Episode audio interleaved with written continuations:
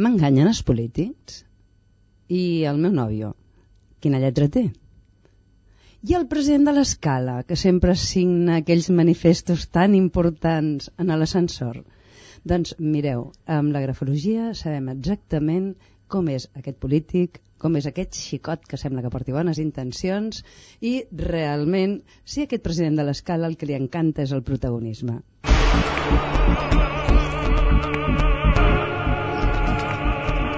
L'Hora de Plutó, amb Núria Ribot.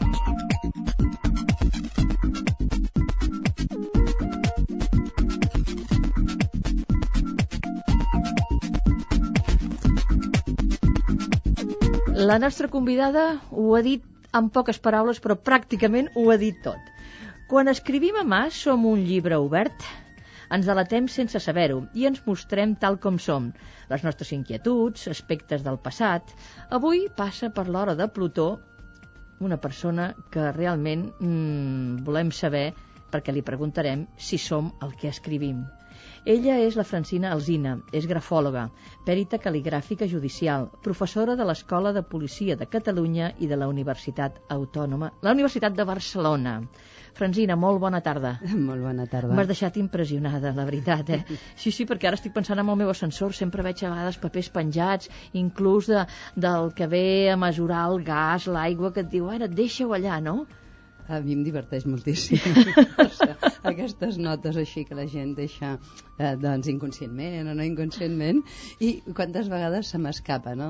sense voler el dir on dia, heu vist aquest bucle, heu vist aquest tal i clar, el que porto al costat em fa cara de quadros i llavors haig d'explicar una mica què simbolitza la figura que acabo de veure plasmada en un paper o què no ja. Pitjor va ser, perdona que talli sí, sí. un dia en un jutjat no? que allò que acabem de fer un judici tothom signa i amb aquesta espontanietat meva, clar, només quedàvem la secretària judicial i jo, i dic, ostres, qui ha fet aquesta signatura? I diu, és la meva. I clar, llavors salva-ho com puguis, ara que és una mica tu. Jo me n'en cuidaré molt amb els papers que tinc sobre la taula de començar a fer gargots, o no sé, perquè fins i tot pot ser interessant, no?, allò si fas gargots. Molta gent fa gargots. Sí. Mentre parla, com per exemple ara fent l'entrevista, que tinc els papers, tinc un guió, tinc preguntes, jo al costat vaig apuntant coses mentre parles, clar, tu em deus estar mirant i pot pensar, dius, mira, aquesta va per aquí, va per allà. Diu, ai, ai, ai, tan bona persona que semblava. Qui ho havia de dir? No, i la veritat és que fa una mica de poc. I vam tenir també una persona, morfopsicòleg, que mirant-te la cara deia eh, tu que mirant-te, mm, diguéssim, l'escriptura pots dir quatre coses. Després hi ha aquella gent, no sé, com el Sebastià Serrano mateix, no?, que amb expressions corporals, amb gestes, també et veu.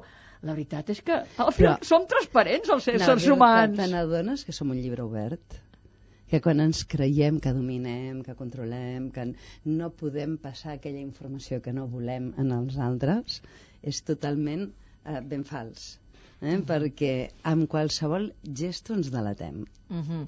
Endevineu els grafòlegs? Perquè no endevinem. Ep. Ep, ep, ep. Primera aturada. No endevinem. Analitzem. Uh -huh perquè molta gent segur que el que vol és, eh, bueno, no sé si tens consultes privades al marge dels teus treballs, que puguis fer amb la policia, no? Igual que la gent es fa una carta astral, pot anar i dius, mira, mira'm, no sé què, què, què Digue'm espera com la gent. soc. Digue'm com soc, no? I això t'ho trobes molt sovint, no? Venen amb tota la il·lusió, no, amb, amb el paperet, i diu, mira, t'ho porto perquè em diguis com soc. I jo eh, sóc així de tremenda, no em surt més a dir, a sota encara no saps com ets. Dir, fes-t'ho mirar, perquè depèn de quina edat, si encara no saps com és, patirem una mica.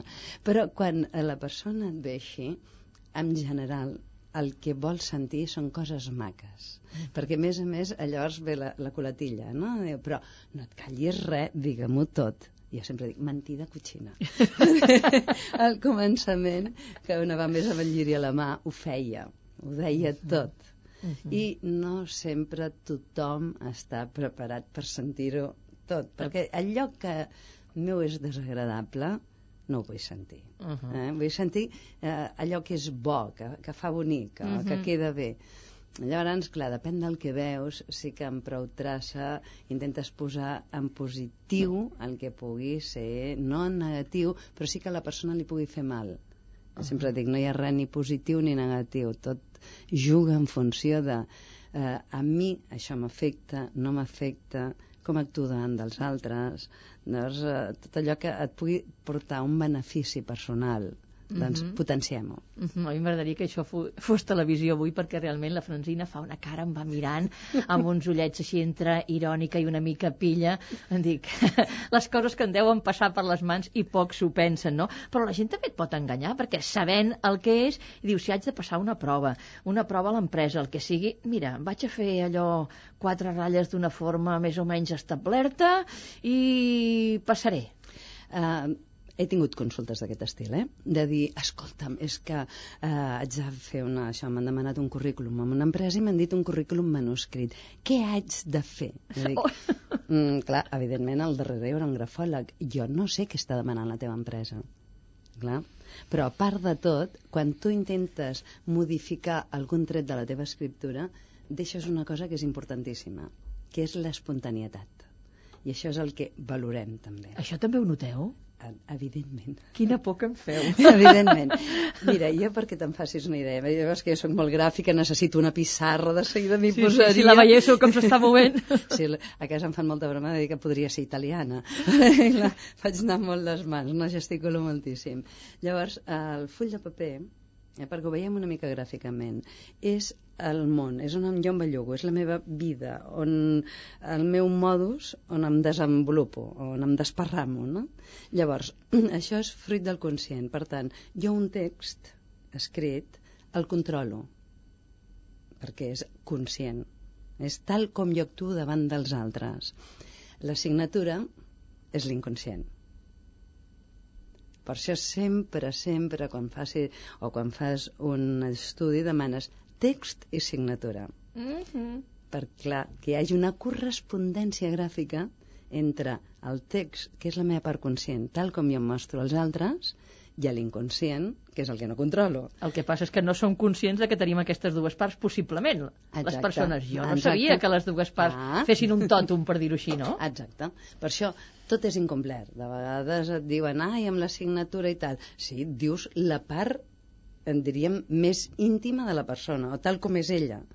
Però jo, fent un esbós d'una signatura, jo no sé com es mostra davant dels altres. Mm -hmm. En parlarem de signatures, però més endavant. Val. Abans, com que estàvem ja entrant en el camp d'aquest de les falsificacions, d'intentar ser allò que no ets, o de fer una lletra que, bueno, que pugui agradar més o menys el que et pugui contractar, hi han falsificacions d'aquestes perfectes? Uh, anem a veure, per amagar tal com sóc jo, no, perquè si no et surt per un cantó et sortirà per un altre.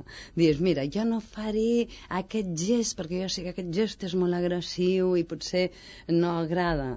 Però per això sempre dic, tu saps quin perfil estan demanant l'empresa?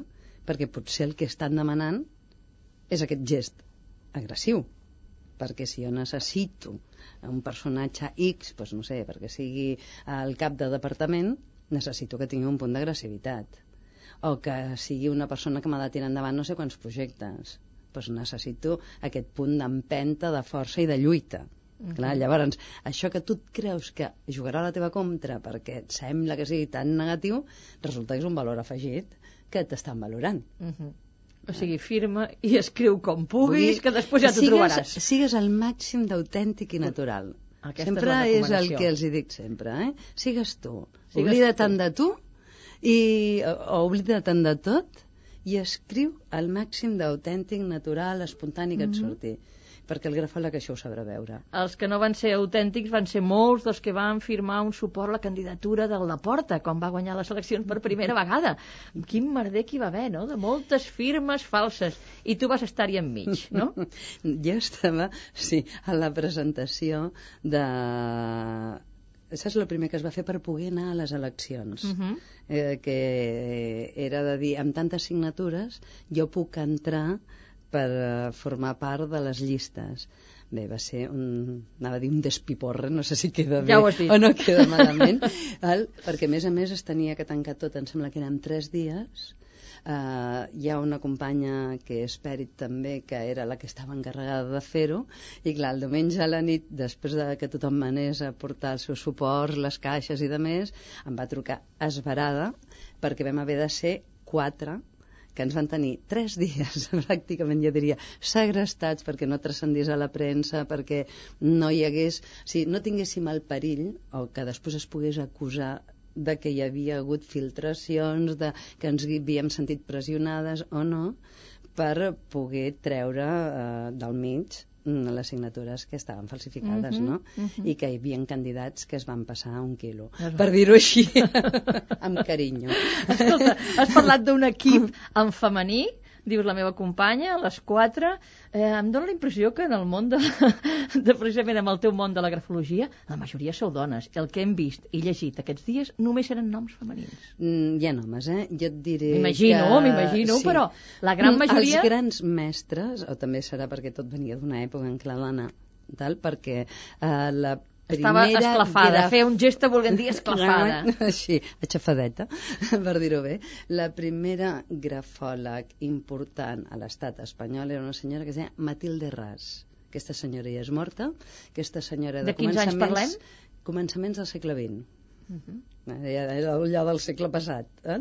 Aquesta senyora, eh, clar, hauria de ser una senyora molt especial perquè ja se'n va anar a estudiar a la Sorbona i en allà va conèixer el món de la grafologia, perquè clar, a fora d'aquest país nostre s'estudia a la universitat amb normalitat, dins de lo que li toca, a psicologia. Eh? Per exemple, a Itàlia s'estudia psiqui psiquiatria i, per donar un altre exemple més fort encara, a Argentina són 3 anys de carrera universitària. Uh -huh. Val? Només perquè, i aquí encara anem parlant d'ocultisme, de coses així rares, eh, que endivinaran amb la Sí que lletra. aquí encara... Però tu Estem dones, dones classes a l'escola de policia, Sí, dintre d'un curs molt, molt uh, concret, que és especialització, que són uh, documentoscòpia, eh, que són amb tot el que és perícia, perícia eh, grafològica. Uh -huh. Val? I a la universitat també és un màster, un màster de perícia cal·ligràfica i grafològica. Però, mentrestant, guanyen la vida com puguis. Mhm. Perquè, clar, no són uns estudis reglats, reconeguts oficialment. hores d'ara que tot passa per la universitat, vols dir que la grafologia encara la tenen marginada? sort, el reconeixement que tenim, són aquests del màster en perícia. Jo sempre dic, mira que és divertit. Eh?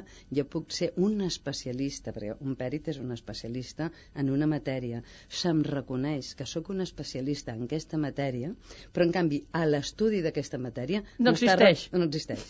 Déu-n'hi-do, Llavors, Déu-n'hi-do. lloguem i cadires i tamborets. Si Doncs bé, podem. existeixen persones com la Franzina Alzina, que avui ens acompanya, grafòloga, amb la qual convertirem aquesta conversa que promet molt interessant. Però abans ens agradarà saber una mica més sobre la persona i també sobre la professional. I ens ho explicarà la Pilar de Pedro.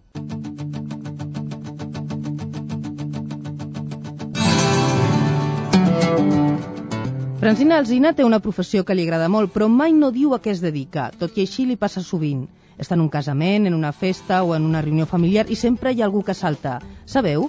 La Francina és grafòloga. I llavors comença a venir gent en tovallons, trossets de paper, el que sigui, amb la firma escrita «Digue'm alguna cosa». I és que aquí hi ha molta confusió.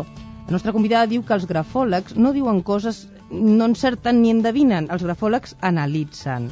Hi ha gent inquieta i això es veu en la manera com escriuen. Amb la nostra convidada no cal fer cap anàlisi grafològica per deduir que és una dona inquieta, que li agrada fer coses molt dispars. Només cal seguir la seva trajectòria. Ella va començar a treballar al mercat amb una carnisseria perquè els seus pares hi tenien parada. Més tard, quan es va casar, va passar a ser mestressa de casa.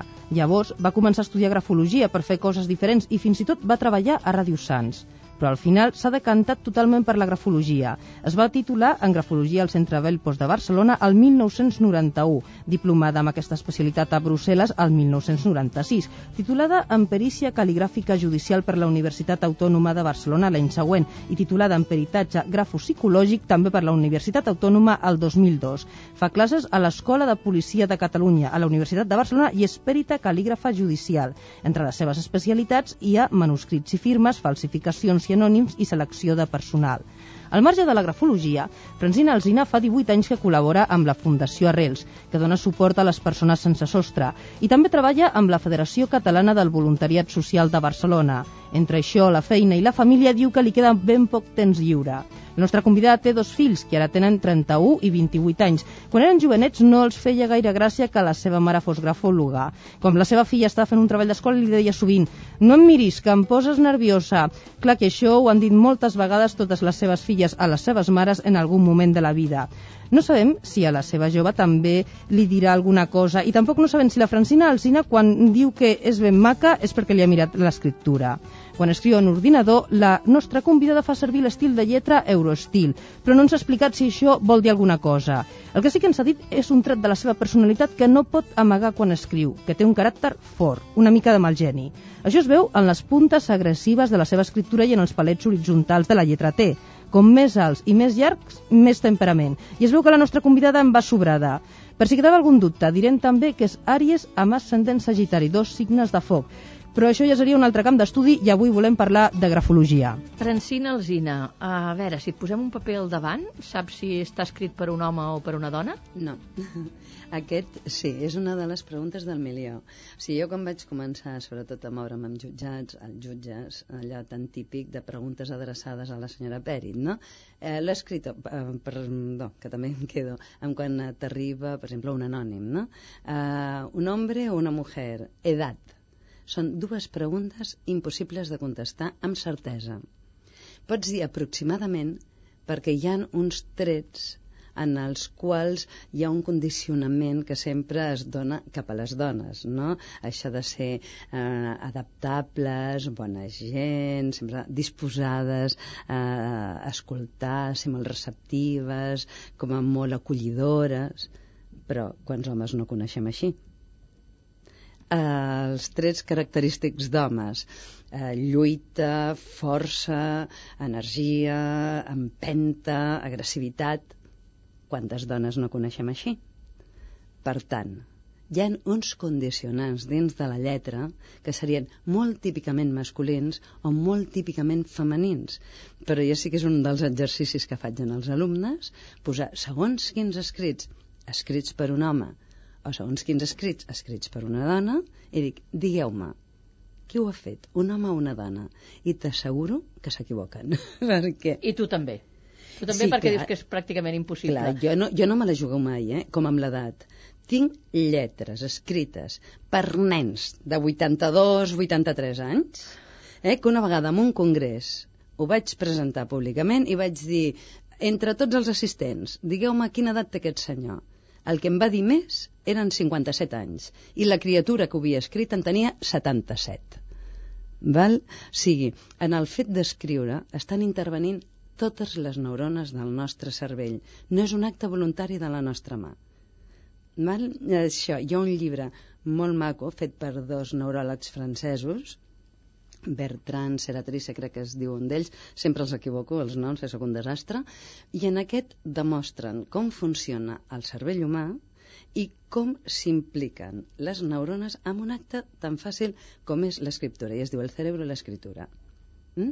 Llavors, si les nostres neurones funcionen perfectament, si físicament tu també estàs sa, la teva escriptura no té edat.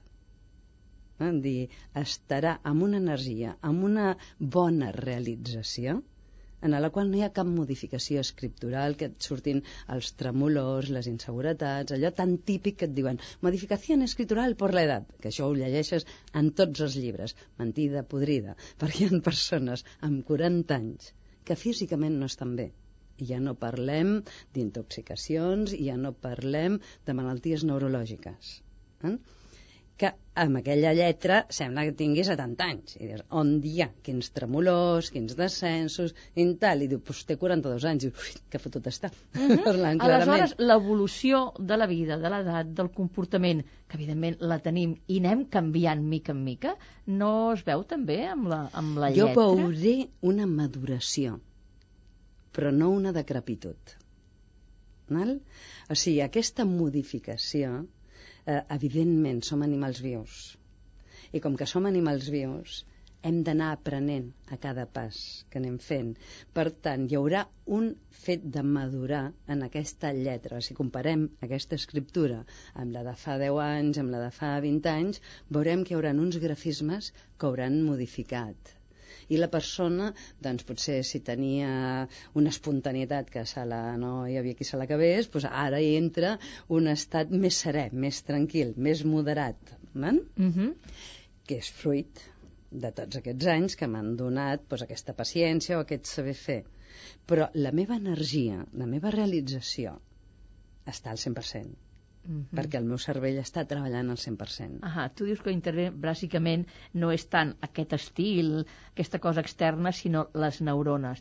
Aleshores, jo recordo, quan anava a l'escola fa molts anys, els estils de lletra per escola, que a vegades dir, mira, aquests són de Can Colapi, mira, aquests són de les aquelles d'allà, aquests... Les del Sagrat Cor, el les Sagrat monges Cor. del Sagrat Cor, Exacte. eren tremendes. Hi havia un estil de lletra, per tant, aquí la neurona l'havien condicionat per un estil de lletra, no? Aleshores, resulta que tota aquella camada, diguéssim, que sortia d'una escola... Tindran tenia una actitud, però eh, jo aquesta neurona la puc utilitzar amb la mateixa energia o força, o si la tinc una mica tocadeta, em faltarà força, em faltarà empenta, entens? O sigui, eh, l'estil de lletra, la forma, condiciona una actitud. Eh, quan eh, a vegades em venen i diuen ai, tinc una lletra horrorosa, fatal, és que no me la puc ni mirar. I tu la mires i dius, oh, quina lletra més guapa. Però tu has vist... Clar, perquè és una lletra evolucionada, madura, guapíssima, que vol dir que aquesta persona ha fet un procés intern importantíssim. I pel contrari, et diuen, no, no, si la que la fa bé és la meva germana, perquè té una lletra. I porten aquella lletra tan mm, que, cal·ligrafiada. que t'han obligat... Tan... Sí, exacte, cal·ligrafia és el que ens feien fer. que- Vull dir, això no tan crec que no existeix ja. condicionada. Però no et creguis, eh, que et- se't posarien els pèls així com tots tiesos de punta quan veus persones molt joves hm? amb unes grafies cal·ligràfiques que dius, jo un punyeta l'han après perquè mm, no és normal, no et ve ara d'escola. Però dius que a mi m'agrada posar-ho guapo. I clar, dius, ai, que bonic, però quina por. Però quina aleshores- por perquè està condicionant. O sigui, si jo li dono molta més importància a la forma, també m'està dient que a nivell personal eh, el que valoro en els altres és la forma. Per tant, la forma vol dir l'extern. Mhm. Entens? O sigui que... és, o és moviment o és forma la nostra escriptura.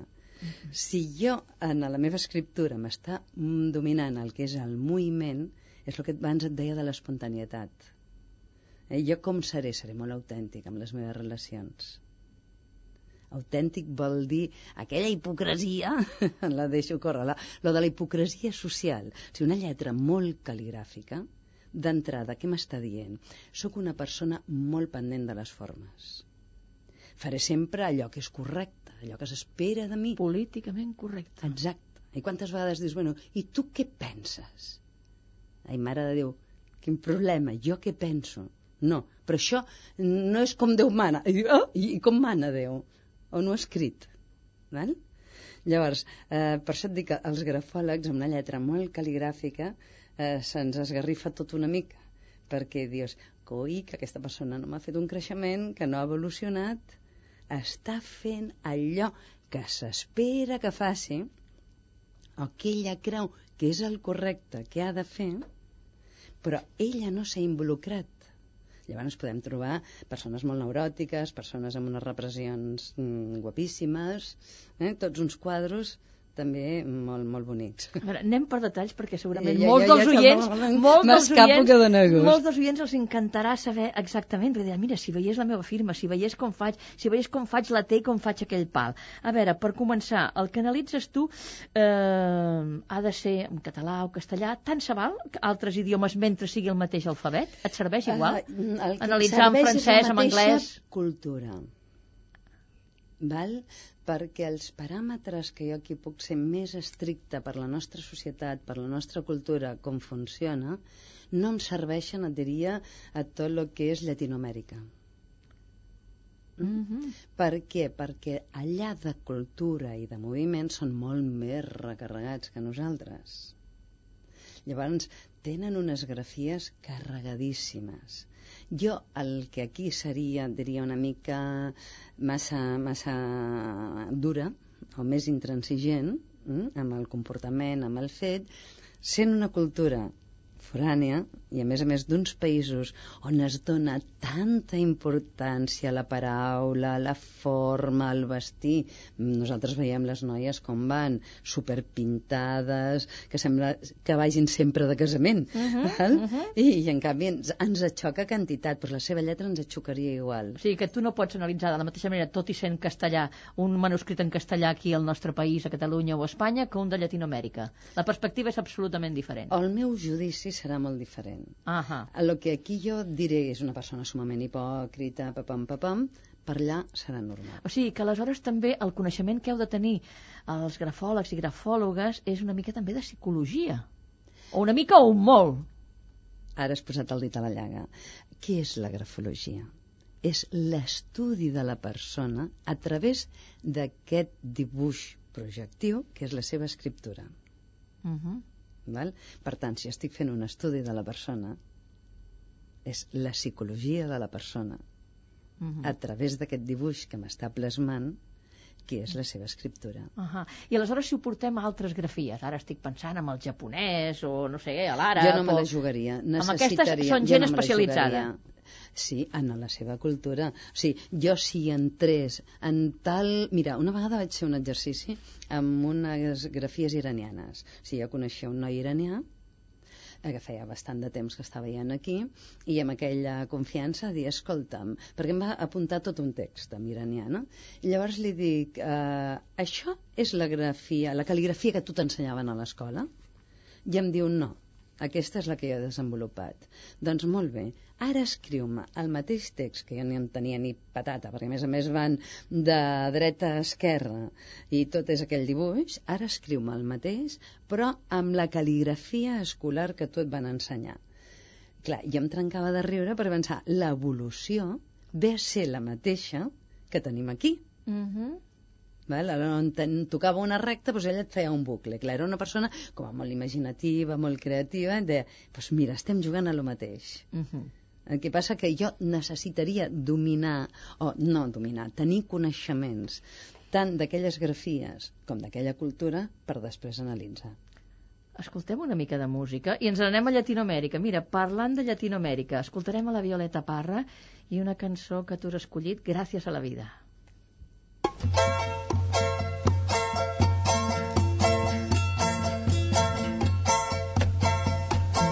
Gracias a la vida que me ha dado tanto, me dio dos luceros que cuando los abro, perfecto distingo lo negro del blanco y en el alto cielo su fondo estrellado en las multitudes el hombre que yo amo.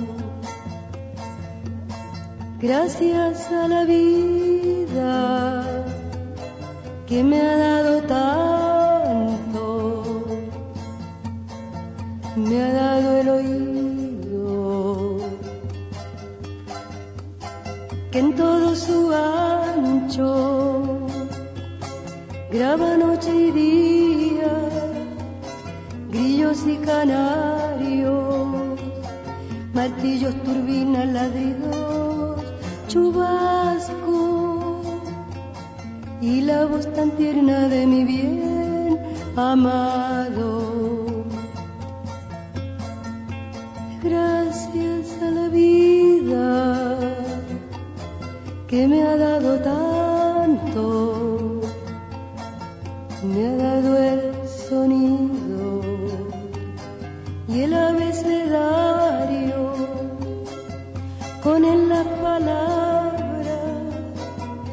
pienso y declaro, Padre, amigo, hermano, y luz alumbrando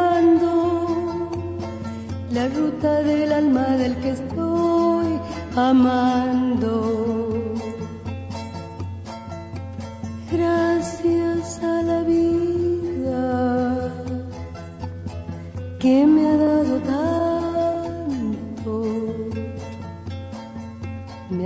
la marcha de mis pies cansados, con ellos anduve ciudades y charcos, playas y desierto, montañas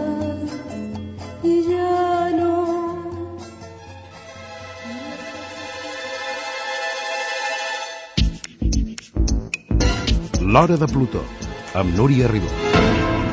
I continuem la nostra conversa amb Francina Alzina, grafòloga. Quins són els trets principals d'una escriptura? Quan et presenten un manuscrit, quines són les primeres coses que et criden l'atenció o que has de mirar? I el primer que miro és tot el conjunt. Eh? Que aquell text en tingui harmonia o no tingui harmonia. Aquest és el primer punt, perquè a partir d'això jo podré valorar els gestos, perquè un mateix gest amb un conjunt amb harmonia em vol dir una cosa i sense harmonia me'n diu una altra. Uh -huh. I pot haver harmonia en el caos d'una escriptura. A vegades dius, carai, quina lletra, però és aquella harmonia en caos? Pues Mira, això? mentre eh, hi hagi un ordre, hi hagi un equilibri entre els cossos de les lletres, Eh, clar, ja et dic, aquí em falta la pissarra i et dibuixaria ràpidament com nosaltres medim els cossos de les lletres. Mentre hi hagi un equilibri i harmonia entre aquesta signatura i el text, eh, eh, per mi és un text positiu. Uh -huh. D'entrada, quan veus un manuscrit, pots veure aquesta persona no és de fiar? Hi ha molts signes que ens parlen de mentida. Per exemple, per exemple, perquè tots volem saber quins. Mira, uh, uh, fem-nos una idea. Tinc un full al, al davant, no? Jo sí. m'haig de posar al davant. El que és la meva mà dreta Sí. Seria a la dreta del full, també. Mhm. Uh -huh. val?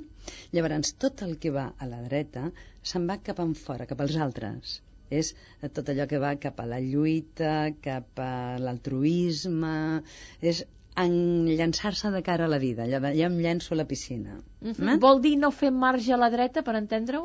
O... Que no deixa marge i que aprofita fins no, al final? No tan sols això. O sigui, a l'escriure, que la meva mà no faci retrocessos sinó que tiri sempre cap endavant.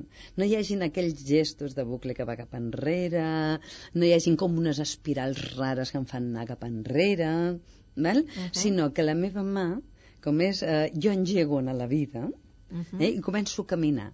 A caminar per anar de cara pues, als objectius, de cara als problemes, de cara a les situacions.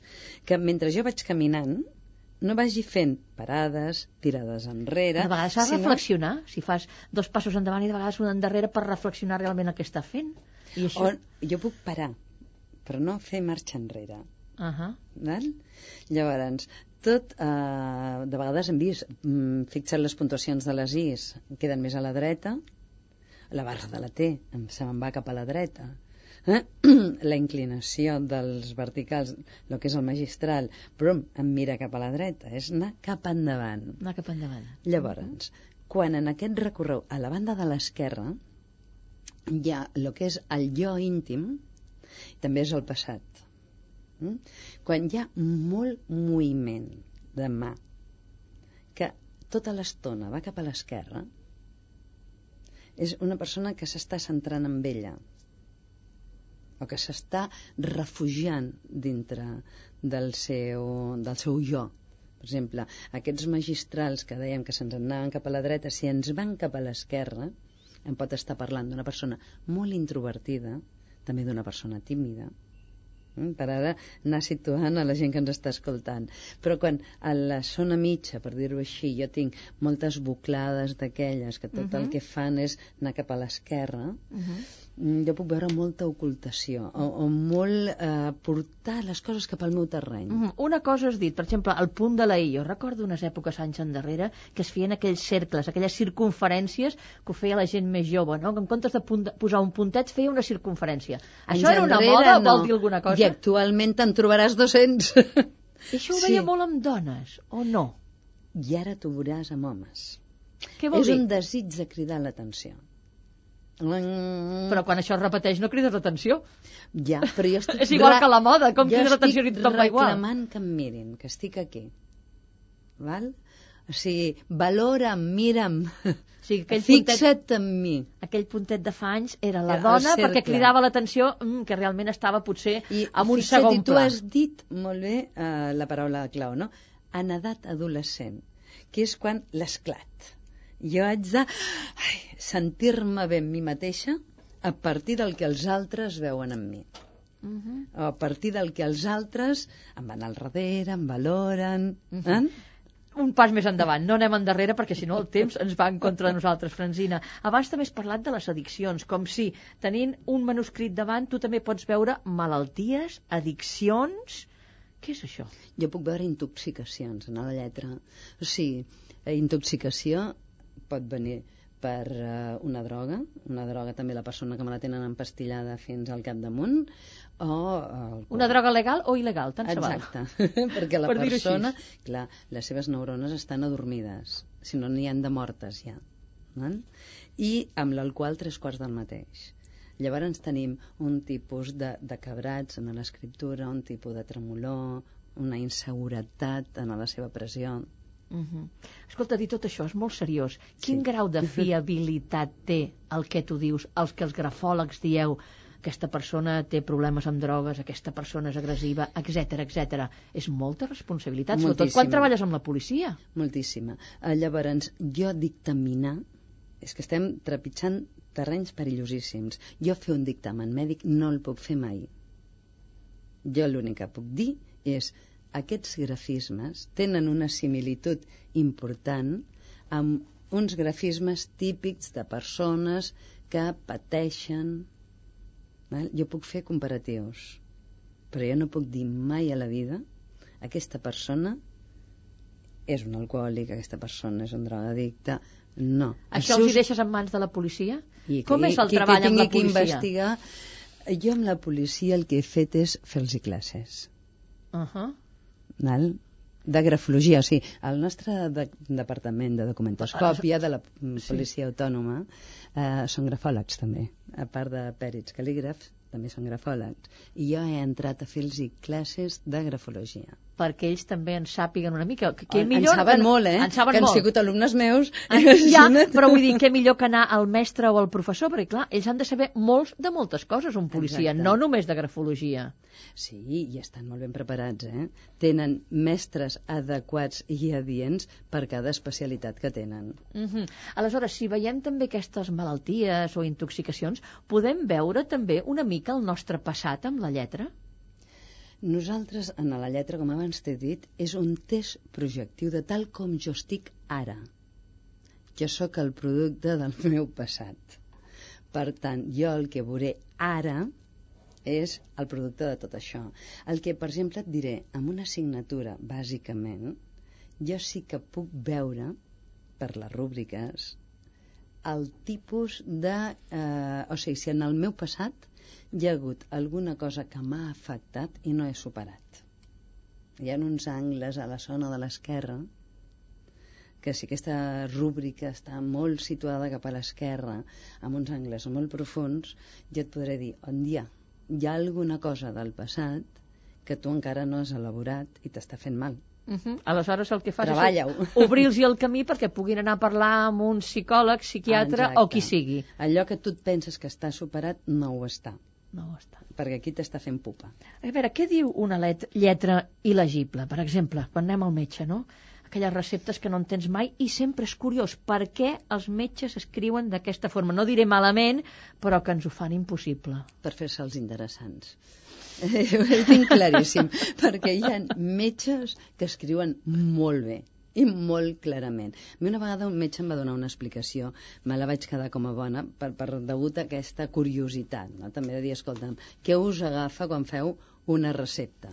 Que aquí no hi ha qui s'aclareixi. I em deia, mira, tot això és una derivació d'aquella època en què el malalt no podia saber què tenia Mm. i llavors quedava una mica com entre la complicitat entre farmacèutic, metge i el que sigui, perquè la persona la portaves enganyadeta i contenteta. Però també, eh, jo me n'enric una mica, perquè és una arma de poder que tenen. Sí.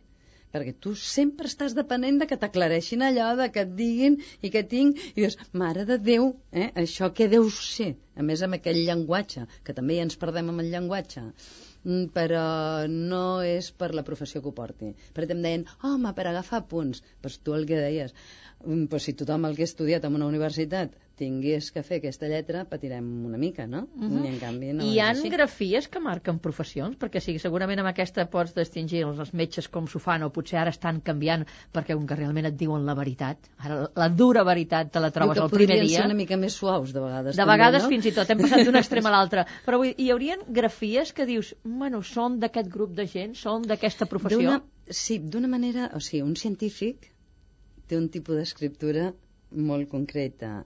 Uh, la persona que tracta més humanitats també diria que té una part de la seva escriptura més desenvolupada.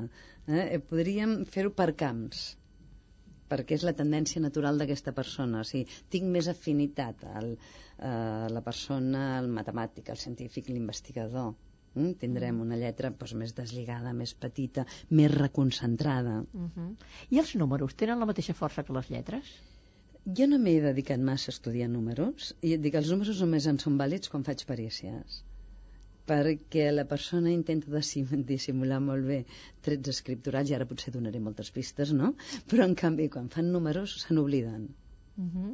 i llavors al fer cossos d'escriptura és com més bé es pots identificar pels números. De vegades sigui, et donen més plus eh, com ha fet aquells nous, com ha fet aquells vuits, dius, un dia si són idèntics. Uh -huh, uh Eh? -huh. Quan amb l'escriptura t'ha intentat amagar segons quins trets. És que ara estic pensant, per exemple, a Estats Units, no? que hi ha formes d'escriure, jo diria que una gran majoria, que és molt difícil parlar de majories en aquell país tan gran, però, per exemple, el 7 te'l fa tothom sense el palet creuat que fem aquí, per exemple. La Q és, és, és com si fos un nou sense res més, no? Uh, I els buits. A mi I els buits de vegades amb, Amb dos dos zeros, amb dos zeros. Sí, és molt Sí. curiós i, i dius, mira, els americans ho fan així. Clar, és molt complicat dir els americans, 300 No. milions d'habitants. Però és no, curiós, però això. sí, és una tendència que els ensenyen a l'escola a fer-ho així. Mhm. I clar, i seguim el mateix, no? Qui no t'evoluciona segueix fent com li han, fet, li han ensenyat a l'escola. Escolta, escolta'm una miqueta més de música. El Lluís Llach, que s'ha escollit Núvol Blanc. Senzillament se'n va la vida i arriba com un cabdell que el vent desfila i fina. I som actors que voltes, espectadors que voltes, senzillament i com si res. La vida ens dona i pren paper.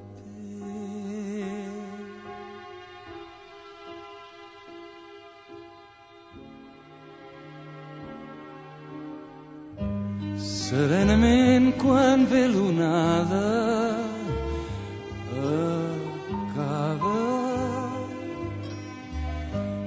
potser en el deixar-se vèncer comença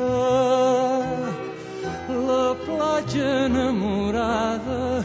No sap l'espera llarga i obre els braços no fos cas. L'onada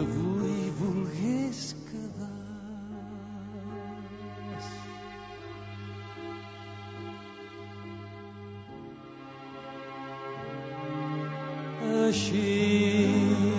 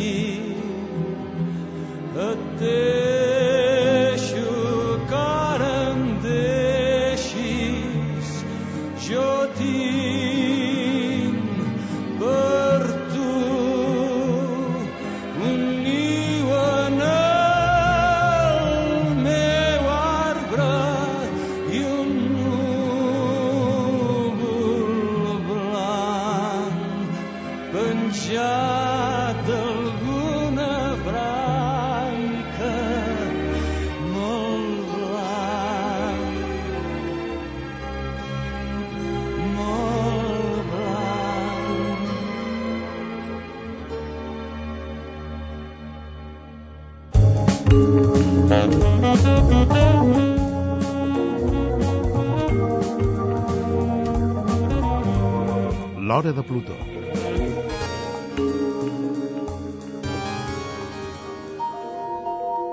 I arribem a la darrera part del programa, avui amb la conversa amb la Francina Alzina, grafòloga.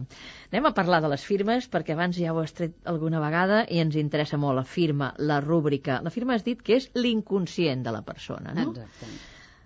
A veure, eh, hi ha firmes que ens criden molt l'atenció. També d'una època, per modes, no?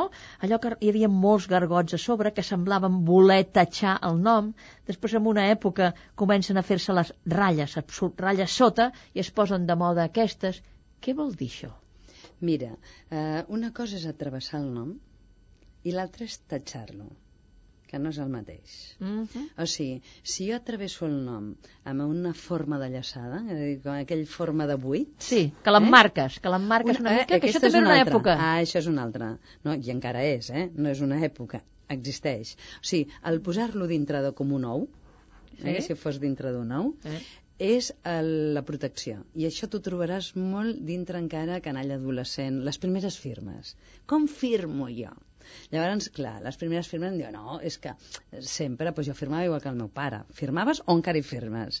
Perquè, evidentment, quan hem de triar allò que a nosaltres ens distingeixi de la resta dels mortals, mm, sempre ens emmirallem amb aquell que més o menys he admirat. I el que he admirat és el papa o la mama o potser el germà gran. I llavors faig la firma, o potser algun avi també m'ha sortit de vegades, no? És que jo la feia igual que el meu avi.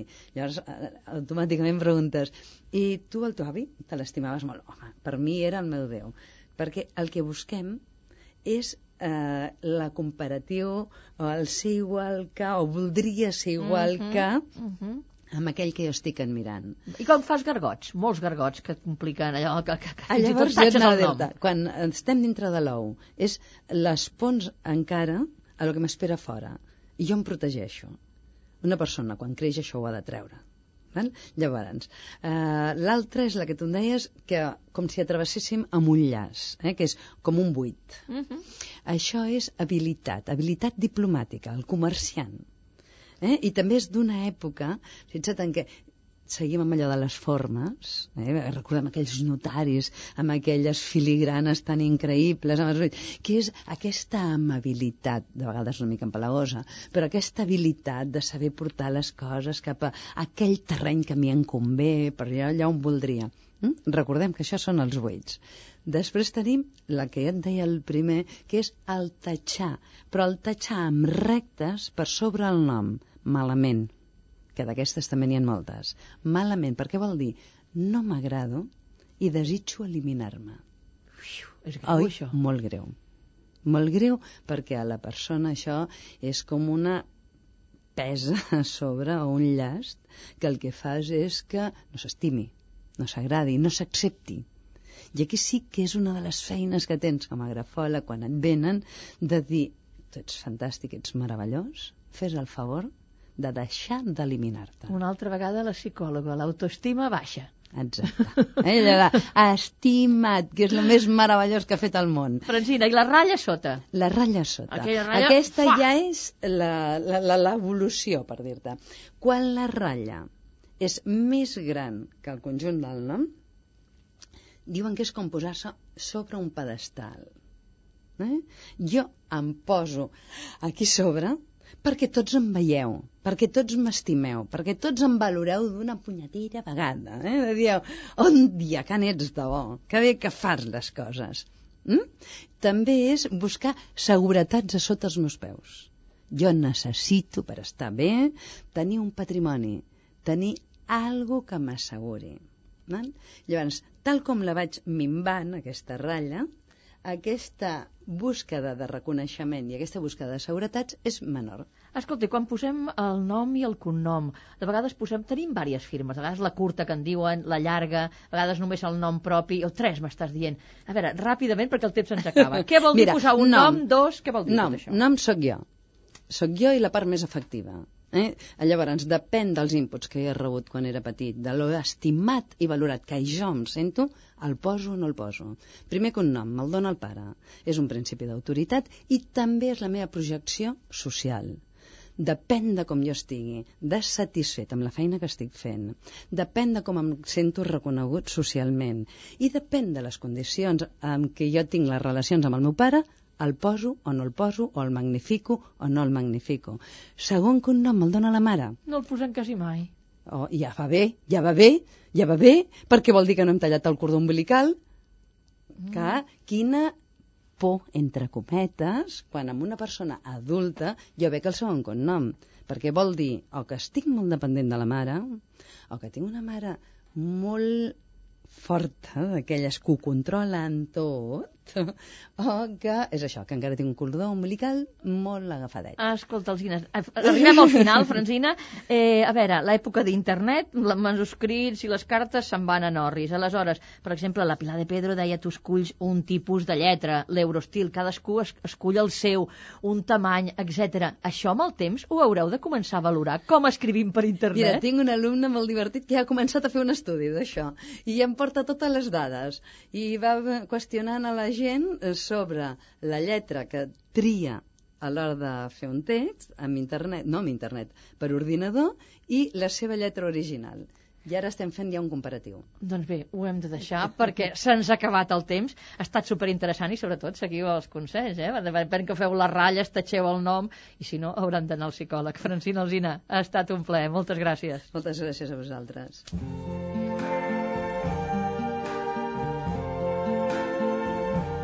I see trees of green.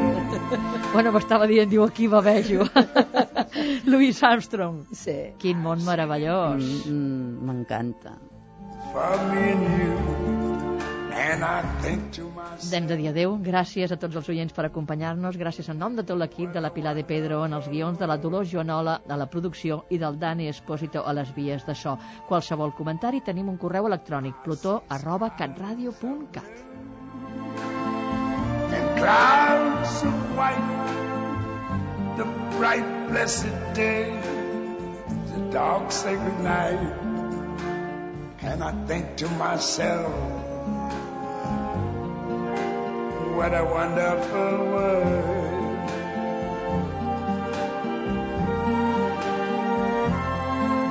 The colors of the rainbow, so pretty in the sky also on the faces of people going by. I see friends shaking hands, saying, How do you do? They're really saying, I love you. I hear babies cry. I watch them grow.